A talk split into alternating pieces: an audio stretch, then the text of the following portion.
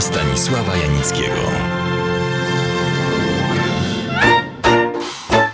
Opowiadam w dalszym ciągu o pięknej kobiecie i wspaniałej aktorce, zwanej damą kina francuskiego, o prawdziwej osobowości, legendzie i symbolu, nie tylko w wymiarze ekranowym, czyli o Catherine Deneuve. Po liryczno-romantycznym filmie muzycznym Parasolki Szerburga pojawiła się, mówią tylko o dziełach ważnych. Przypomnę, wszak zagrała w ponad stu filmach. Objawieniem stała się jej główna rola we wstręcie Romana Poleńskiego. Pisze się, że Polański wykorzystał jej chłodny urok, że ujawniła swoje nowe możliwości kreacyjne, zawierające elementy szaleństwa i perwersji, że stworzyła niezwykłą postać schizofreniczki i tak dalej, i tak. Posłuchajmy jednak, co ona sama o tej roli mówi. Jest to historia dziewczyny, która pogrąża się w szaleństwie i nie zdaje sobie z tego sprawy. Nienawidzi mężczyzn, czuje do nich wstręt. Boi się ludzi, boi się z nimi rozmawiać, boi się, co o niej pomyślą, co o niej powiedzą, więc izoluje się od świata. Starałam się, kontynuuje Catherine Deneuve, zbliżyć do postaci, zrozumieć ją i proponować rozwiązania bliskie temu, jak myśli o niej reżyser. Ponieważ aktor musi się odsłonić, lubię pracować z reżyserami, do których mam zaufanie. Kiedy go nie mam, zatrzaskuję się jak ostryga i wpadam w rozpacz. Kilka razy mi się to przytrafiło. Przypomnę, jak po skończeniu filmu Wstręt powiedział o pracy z Katrin Deneuve Roman Polański. To było tango tańczone z partnerką najwyższej klasy. A ona o Polańskim? On się nie zmienia. Ciągle jest w nim tyle energii i niepokoju, a jego humor pomieszany jest z szyderstwem. By zachować pewien porządek i chronologię, bo nie jest ona bez znaczenia, przejdźmy do dwóch jakże głośnych filmów: Piękność Dnia i Tristana. Oba zrealizował mistrz Louis Buñuel. Jeden z najważniejszych i najbardziej intrygujących, inteligentnych i prowokacyjnych twórców w historii kina.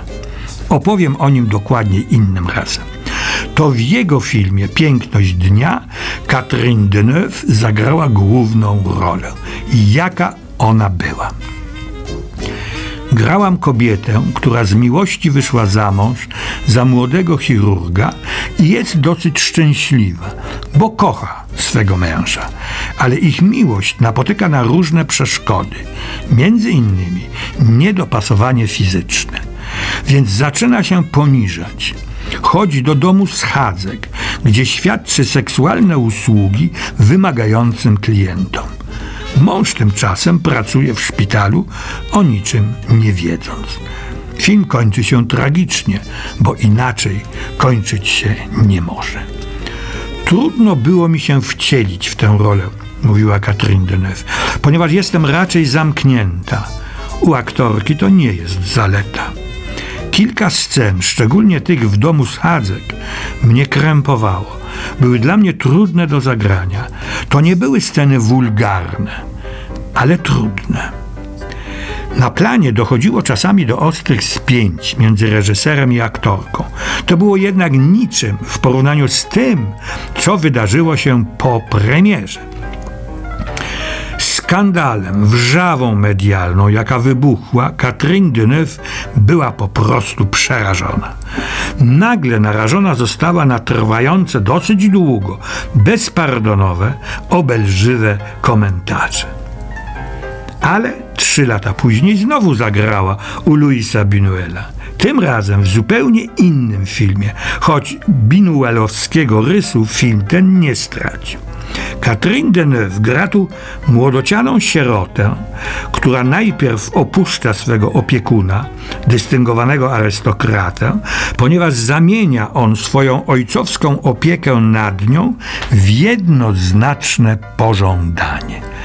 Ale po dwóch latach ciężko chora wraca do niego i zgadza się na ślub.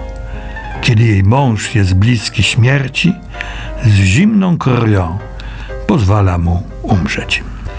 Catherine Deneuve w trakcie realizacji tego filmu pisała sumiennie i dokładnie notatki z tego, co się działo na planie i poza nim. Jest to bezcenny dla historii kina materiał dokumentacyjny. Ale ona wyznała, że gdyby wiedziała, że te notatki zostaną opublikowane, nie byłaby w stanie ich napisać.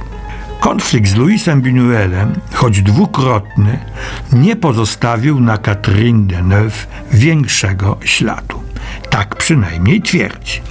Natomiast znajomość i współpraca z innymi reżyserami miała większe i głębsze znaczenie. Na przykład z François Truffaut'em, jednym z głównych twórców francuskiej nowej fali. Wiele mnie nauczył, wspomina Catherine Deneuve, bo patrzył w odmienny sposób. Obejrzeliśmy wiele filmów. Zaczęłam dostrzegać w nich nie tylko aktorów. Truffaut żył kinem. Często kłóciliśmy się, co jest ciekawsze, kino czy życie. Ja uważałam, że życie zawsze jest bardziej interesujące. On natomiast, że kino. Po pewnym czasie zmienił jednak zdanie. Pierwszym ich wspólnym filmem była Syrena z Mississippi.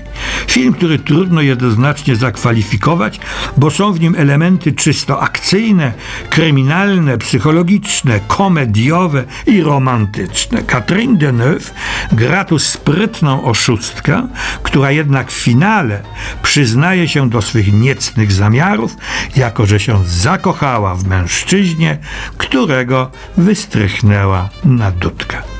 Nie ma się czemu dziwić, skoro tym mężczyzną jest sam Jean-Paul Belmondo w najlepszych latach swego życia.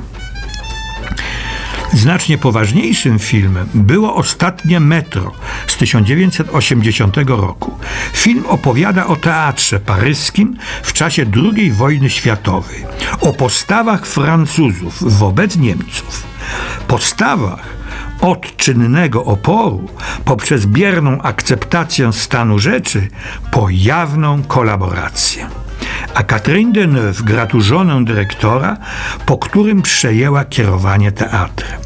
Pewnego dnia zjawia się jednak młody aktor, gra go Gérard Depardieu, który zakochuje się w niej.